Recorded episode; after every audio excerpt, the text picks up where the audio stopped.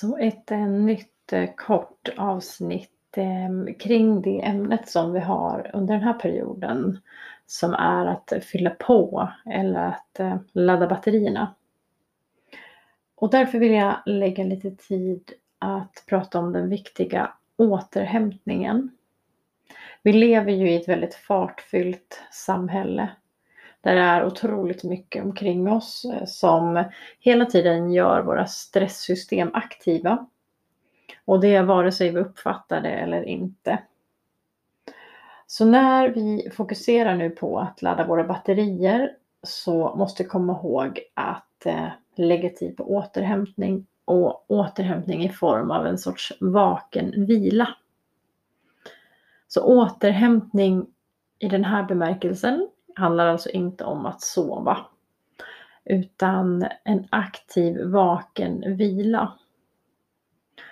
Och det här är någonting som vi behöver försöka hitta tid för i vardagen. Helst varje dag, men kanske i vart fall flera gånger i veckan.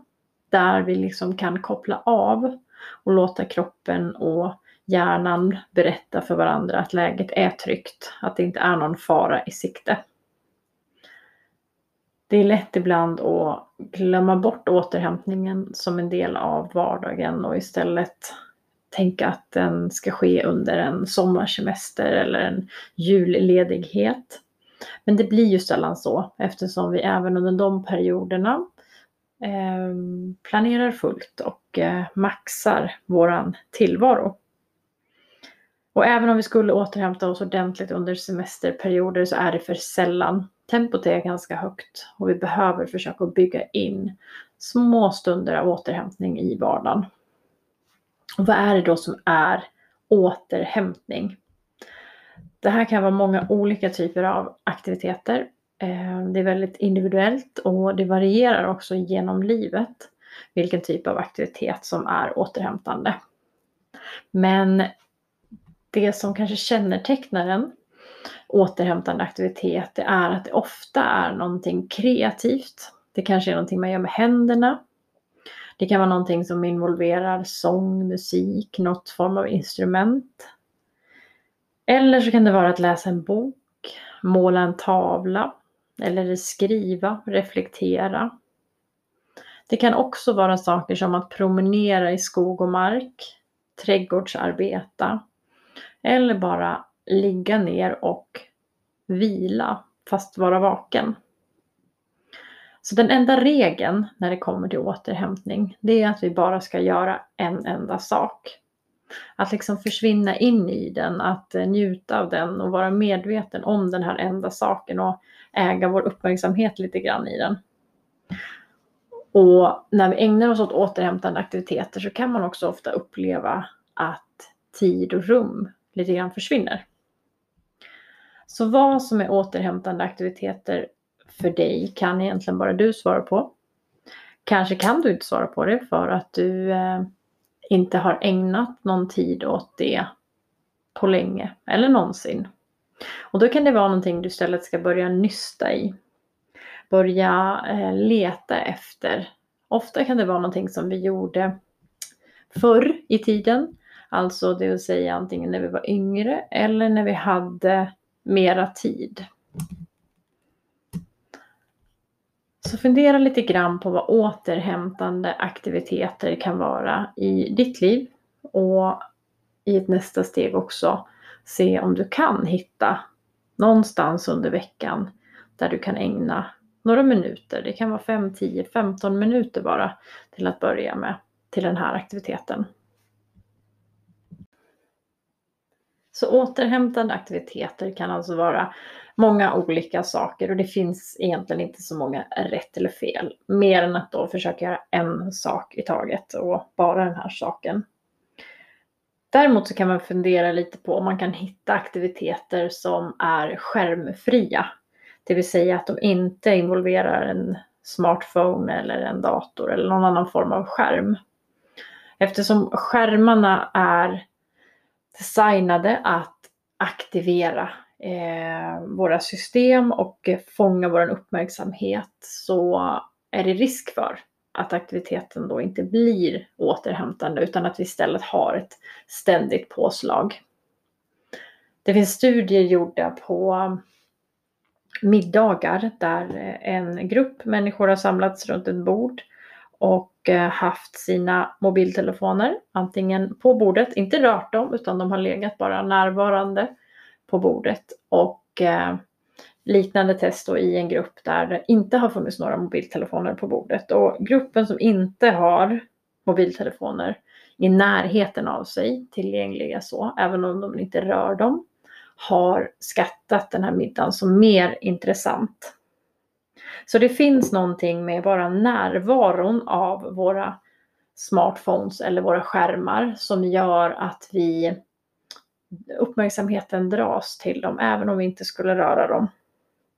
Så känn efter lite grann hur det fungerar för dig. Om du kanske skulle dra nytta av att ha en form av mobilparkering någonstans i ditt hem som inte är där du oftast är när du är hemma. Kanske ute i hallen eller någon mer undangömd plats.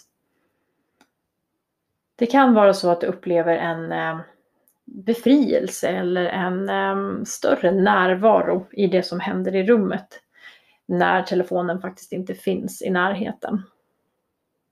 Och detsamma om man nu ägnar sig åt någon återhämtande aktivitet. Till exempel den här med att bara lägga sig ner och vila. Eller bara sätta sig ner och stirra ut i tomma intet utan att göra någonting alls.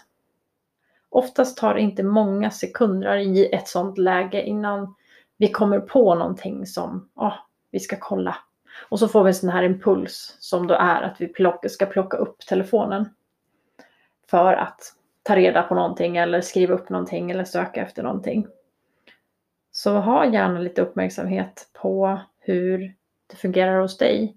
Och om du har ett sånt typ av eh, invant beteende, var lite aktiv där och var lite närvarande och försök att fånga upp dig själv och eh, kanske lite sätta en begränsning på att inte försöka ta till telefonen när de här impulserna kommer.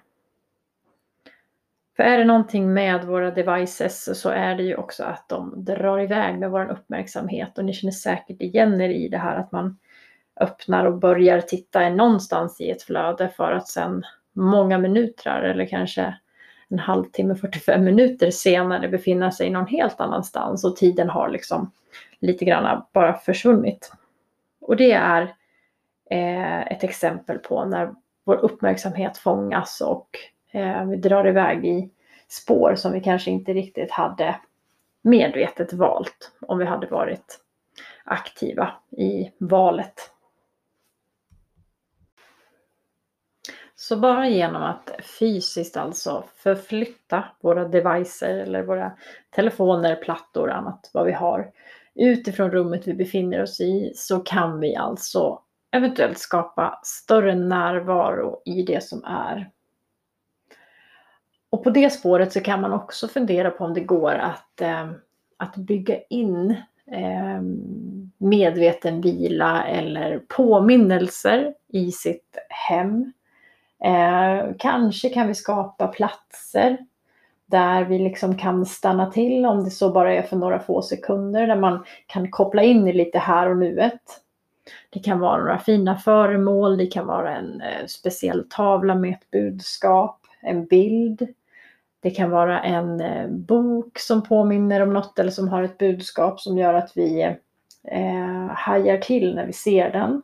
Och på så sätt lite granna eh, ah, jackar ur programmet. Ofta så går vi in i ett program i vår vardag där vi liksom kör enligt invanda mönster. Och det kan vara så att man behöver liksom aktivt lägga till olika moment, i det här fallet olika föremål som påminner oss om att koppla ur för att träna oss på att vara närvarande i det som är och inte bara köra på i programmet. I en av böckerna som jag har tipsat om, eh, den av Björn Nattiko, så beskriver han eh, vårt förflutna och vår eventuella framtid som två väldigt stora, tunga väskor som vi alltid bär runt på. Och att vi då, mycket av vår energi och vår eh, kraft går åt till att bära runt på de här stora tunga väskorna som då motsvarar antingen allting som vi har varit med om, som vi gärna kan lägga vårt fokus och våra tankar på, eller alla de här scenarierna, eventuella framtiderna som också gärna tar mycket av vår kapacitet, och energi. Och de här platserna, om man skulle göra någon sån Ehm, skapa sådana platser i sitt hem, då skulle det också kunna vara en påminnelse om att när man ser den här boken, tavlan, den där påminnelsen om att faktiskt lite mentalt tänka också att man ställer ner de där två väskorna och liksom släpper taget om både då och eventuell framtid och, och faktiskt bara försöker vara i det som är här och nu, det vi vet om. Så det kan vara bra sätt att bygga in de här påminnelserna och också ett bra sätt att eh, spara energi och vara mer eh, närvarande för att också ladda sina batterier.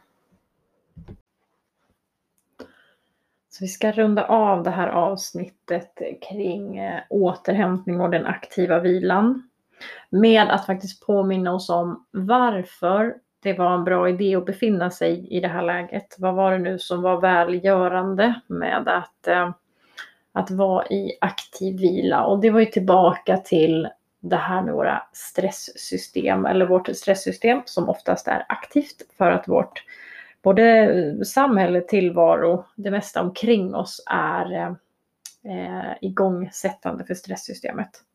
Och när vi är igång i vår kamp, flykt, fight and flight eh, så betyder det att kroppen liksom är på alerten, mobiliserar för eh, kamp eller flykt som sagt.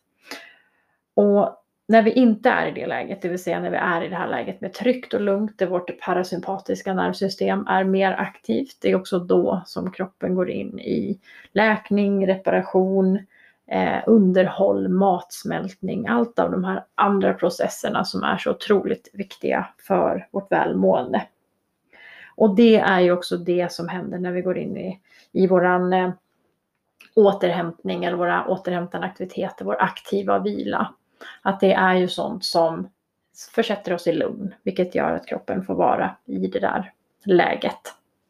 Så att vara i stress och ha mycket att göra och vara pressad i sig är inte farligt, utan det är snarare bristen på återhämtning över tid som kan vara skadligt. Så med det vill jag runda av och eh, påminna om att prioritera dig själv och prioritera det som laddar dina batterier och försök att hitta några minuter här var under veckan där du kan ägna dig åt någonting som eh, försätter dig i det här läget.